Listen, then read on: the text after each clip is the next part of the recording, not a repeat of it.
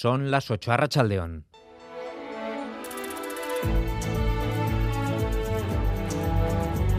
En Radio Euskadi, Gambara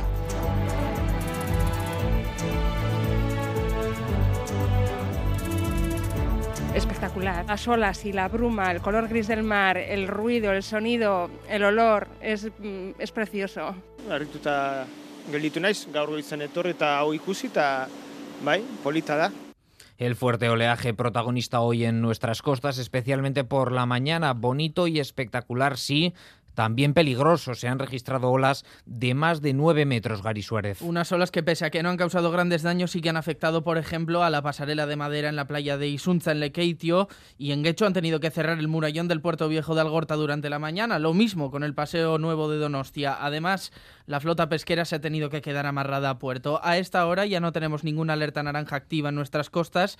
Han terminado a las 3 de la tarde y además, justo ahora a las 8, ha finalizado el aviso amarillo por oleaje en la costa eso sí, seguimos en aviso amarillo por riesgo para la, para la navegación, con olas de unos 3 metros. Este aviso estará activo hasta mañana a las 6 de la tarde. Y para mañana también tenemos aviso amarillo por precipitaciones intensas en Guipúzcoa, así que vamos a conocer el detalle de la previsión meteorológica. Euskalmet, Jaione Munarri, Zarrachaldeón.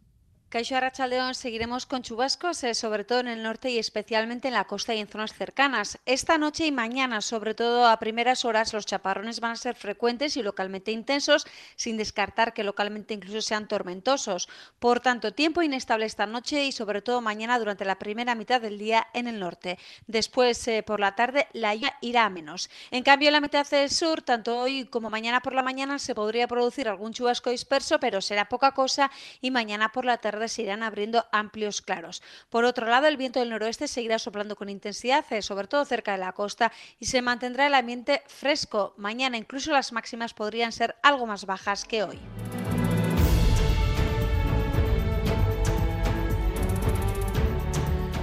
En crónica política, las negociaciones para formar gobierno en Navarra entran en su recta final. Guero Abay y estudia la nueva oferta del PSN tras la reunión a 3 de esta mañana. Y en esta gambara nos acercaremos también a Gasteiz. Quedan 22 horas nada más para que Celedón descienda desde la Torre San Miguel y comiencen las fiestas de la Blanca.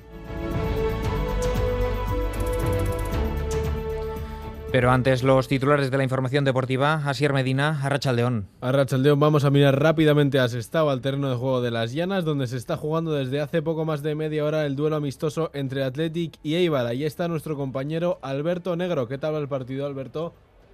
A Rachaldeón, saludos desde el Municipal de Las Llanas, 32 minutos de encuentro cumplidos ya y el Athletic vence momentáneamente en el marcador por un tanto a cero. El gol rojiblanco que ha llegado en el minuto 19, centro desde la banda izquierda de Aduares y el remate de cabeza con la colaboración del guardameta armero Joel. Lo ha introducido al fondo de la red Javi Martón. Nuevo gol del Navarro. El Athletic por delante en el marcador. Buen ambiente en el campo de Las Llanas. Athletic 1, Eibar 0. Es que ricasco, Alberto, pues con un ojo en todo lo que suceda en ese encuentro, repasaremos todo acerca de la sanción de la UEFA a Osasuna por acudir a la justicia ordinaria y pondremos atención en todo lo que nos ha dejado la rueda de prensa de presentación de Rafa Marín como jugador del Alavés. Todo esto y mucho más a partir de las 8 y cuarto aquí en Radio Euskal. En carreteras tenemos que lamentar el fallecimiento de una persona esta tarde en un accidente que ocurría poco después de las 6, un choque frontal entre dos turismos en la Guipúzcoa 627 a su paso por Vergara, según el departamento Departamento de Seguridad. Además informa de que la carretera